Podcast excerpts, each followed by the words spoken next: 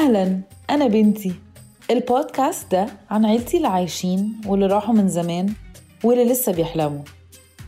هو ده بقى اللي أنتوا محتاجين تعرفوه عن مرزوق. بيحب قوي يحكي قصص. بيعرف يخيط ويصلح أي حاجة. هو أب مصحصح ودايما موجود لمساعدة أي حد. مرزوق يبقى جدي أبو منى. وهنا هحكي لكم قصته.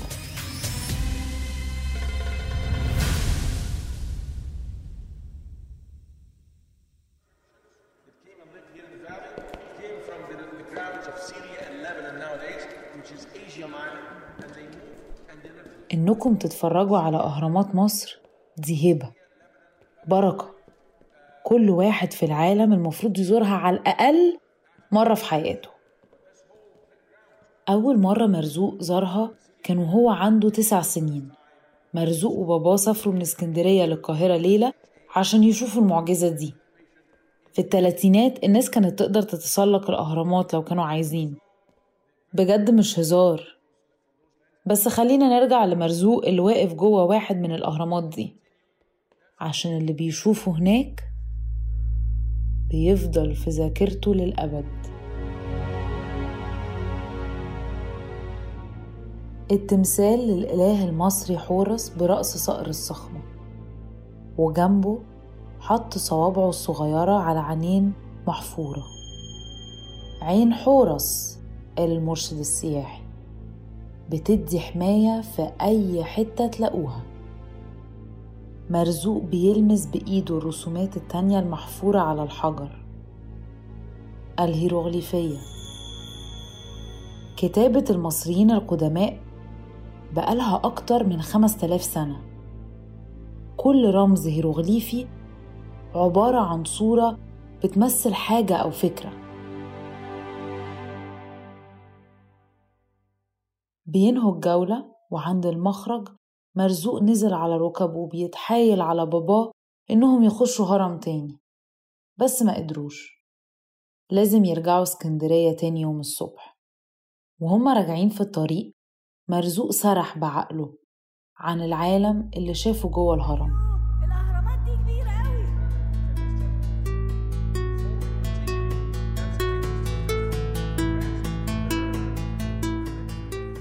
ابتدى يرسم بالليل في أوضته بيحلم إنه عايش في مصر القديمة.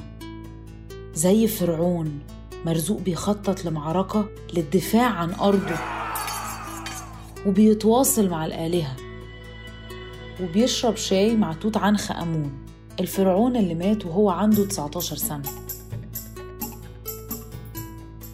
وفي ليلة جات له فكرة أخد واحدة من جلاليب أبوه وابتدى يرسم تخيلاته عن موضة وفن المصريين القدماء. فضل يرسم ويرسم لحد ما باباه رجع البيت وشافه. كان ملهم جدا لدرجة إنه نسي نفسه. مرزوق ارتبك رجع للواقع واكتشف إنه لسه راسم على لبس باباه. حاول يشرح والدموع في عينيه. لكن باباه اتحمس جدا شال مرزوق على إيده وقال يا سلام عليك يا مرزوق. انت فنان. بس خليني أعلمك حاجة هتساعدك في الحياة.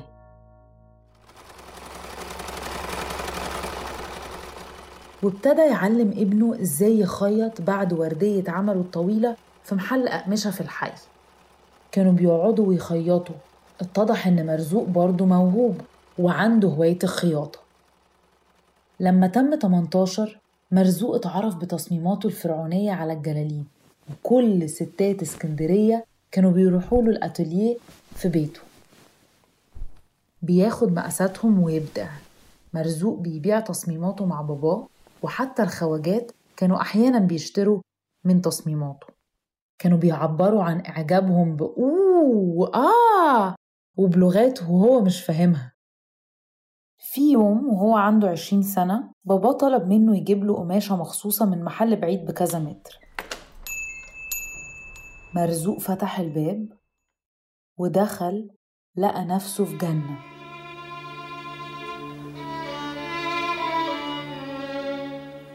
مش عشان جمال المحل وأقمشته لكن عشان ست. ست طويلة بعيون واسعة مدورة. عيون خلته يسمع أغاني عبد الحليم الرومانسية. في عقله كل حاجة حصلت بسرعة. مرزوق تخيلها لابسة فستان ذهبي من تصاميمه.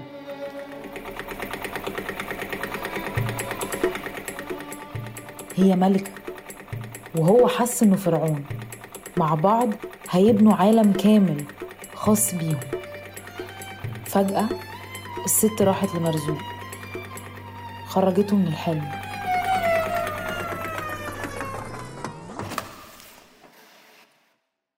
مساء الخير يا فندم. هي من النوبة من أسوان وبتتكلم زي الصعايدة. اليوم ده اتعرفوا على بعض.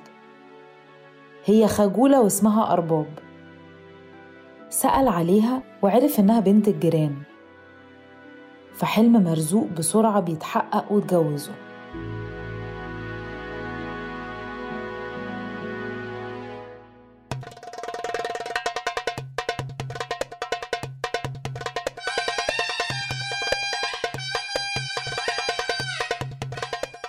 الاتنين. عيلتها من أسوان وعيلته من اسكندرية اتجمعوا. بنوا عالمهم مع بعض زي ما هو حلم. اتنقلوا في شقة صغيرة فوق محل والد أرباب وهناك أرباب خلفت بنتين منى ونعمة.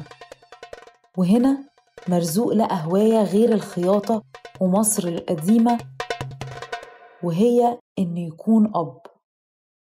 بيحب يقضي كل الليالي مع بناته. ويحكي لهم قصص عن مصر القديمة عن الفراعنة ومعارك بين الآلهة عن إزاي الستات كانوا بيديروا أعمالهم الخاصة ويبقوا كهنة دكاترة وعندهم أراضيهم الخاصة. مرزوق نفسه بناته يبقوا زي ستات مصر القديمة. عشان كده أول ما الفرصة تيجي هيدخل منى الصغيرة المدرسة. منى اتجوزت بعد نعمة. والبيت فضي على مرزوق وأرباب تاني لوحدهم مع بعض. بس لسه عايشين قريب من بناتهم لحد ما منى جالها شغلانة في المتحف البريطاني. وقررت تسيب بلدها للأبد. كل مرة جيراننا بيسألوا عن منى وإنجلترا بيصر على إنه رافض اختيارها. مش مصدق إنها راحت للبلد اللي استعمرت بلدها. كفاية إنهم استولوا على حجر رشيد. وعلى رغم إن السيناريو المثالي هو إنها تقعد في مصر في وسط مجتمعها وأهلها من جوه قلبه مرزوق بيدعم اختيار منى لتشريف عيلتها ولتنشر الثقافة المصرية في الخارج. قال لمنى من ورا الأبواب المغلقة أنا فخور بيكي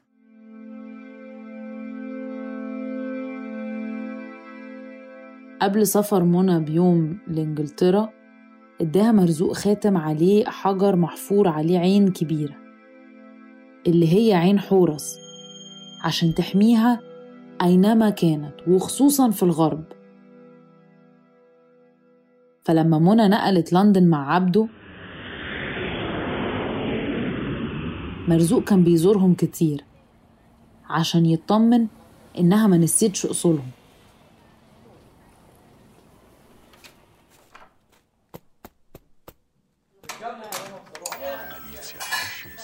لما بيزورهم بيجبر عبده إنهم يحافظوا على تقاليدهم بإنهم يقلعوا الجزمة عند المدخل. وبيفكر منى تصلي. بيجيب بخور ويملى شقة لندن بآيات قرآنية وصوت الست. أم كلثوم أعظم مغنية في الوطن العربي. في ليالي كتير مرزوق كان بيعمل لنفسه شاي أسود كان بيقعد في أوضة القعاد مع أحفاده الاتنين عمر وأنا. بنتي. وكان بيحكي لنا قصص زي اللي سمعتوها في البيت. قبل ما يرجع مصر مرزوق كان بيوعد أحفاده إن هيفضل يحكي لهم قصص على التليفون. في المكالمات دي لاحظ إن عمر بيستمتع بقصصه ولكن إن هو كمان عنده قصص يحكيها عن الهيب هوب أما بالنسبة لي فهمت ليه منى كانت بتحب حكايات جدي قوي. كلهم قصص عن ستات مصر القديمة وإزاي كانوا أقوياء. مع مرور السنين مرزوق ابتدى يقضي أيامه ما بين ورشته والتليفون. بيقضي وقته في إنه يخيط هدايا ليا أنا وعمر جلبيات ليه وكوفيات ليا واحدة لكل سنة من عمري. لما تميت 18 كان جالي 18 كوفية من مرزوق. كلهم عليهم رسالة هيروغليفية وعلى الرغم من المسافة اللي ما بينا مرزوق علمنا إزاي نكون شجعان وإننا عمرنا ما ننسى إحنا مين بصرف النظر رايحين على فين.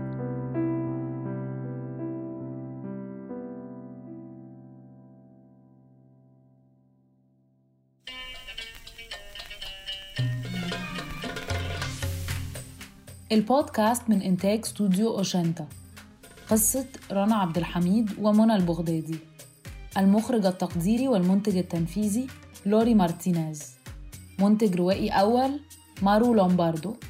مساعد منتج زينب المكارم. المنتجين المشاركين ريبيكا سايدل وفادي سامي توسون موسيقى التتر جابرييل دالماسو. محرر الصوت لويس راول لوبيز ليفاي ومارو لومباردو. شكر خاص لساديا أزماتس وعاليا مورو لتقديمهم المشاورة بشأن التجربة العربية المصرية اللندنية. باللغة العربية قامت فريدة البطوطي بصوت ميخا مصمم الجرافيك الخاص بنا للموسم الحالي سيباستيان ماركيز. هذا البودكاست متاح باللغة الإنجليزية والأسبانية والعربية وتم إنتاج هذه النسخة العربية من البودكاست بالمشاركة مع صوت. الوصف الكامل على oshentastudio.com slash mija-podcast تابعونا على at mija podcast.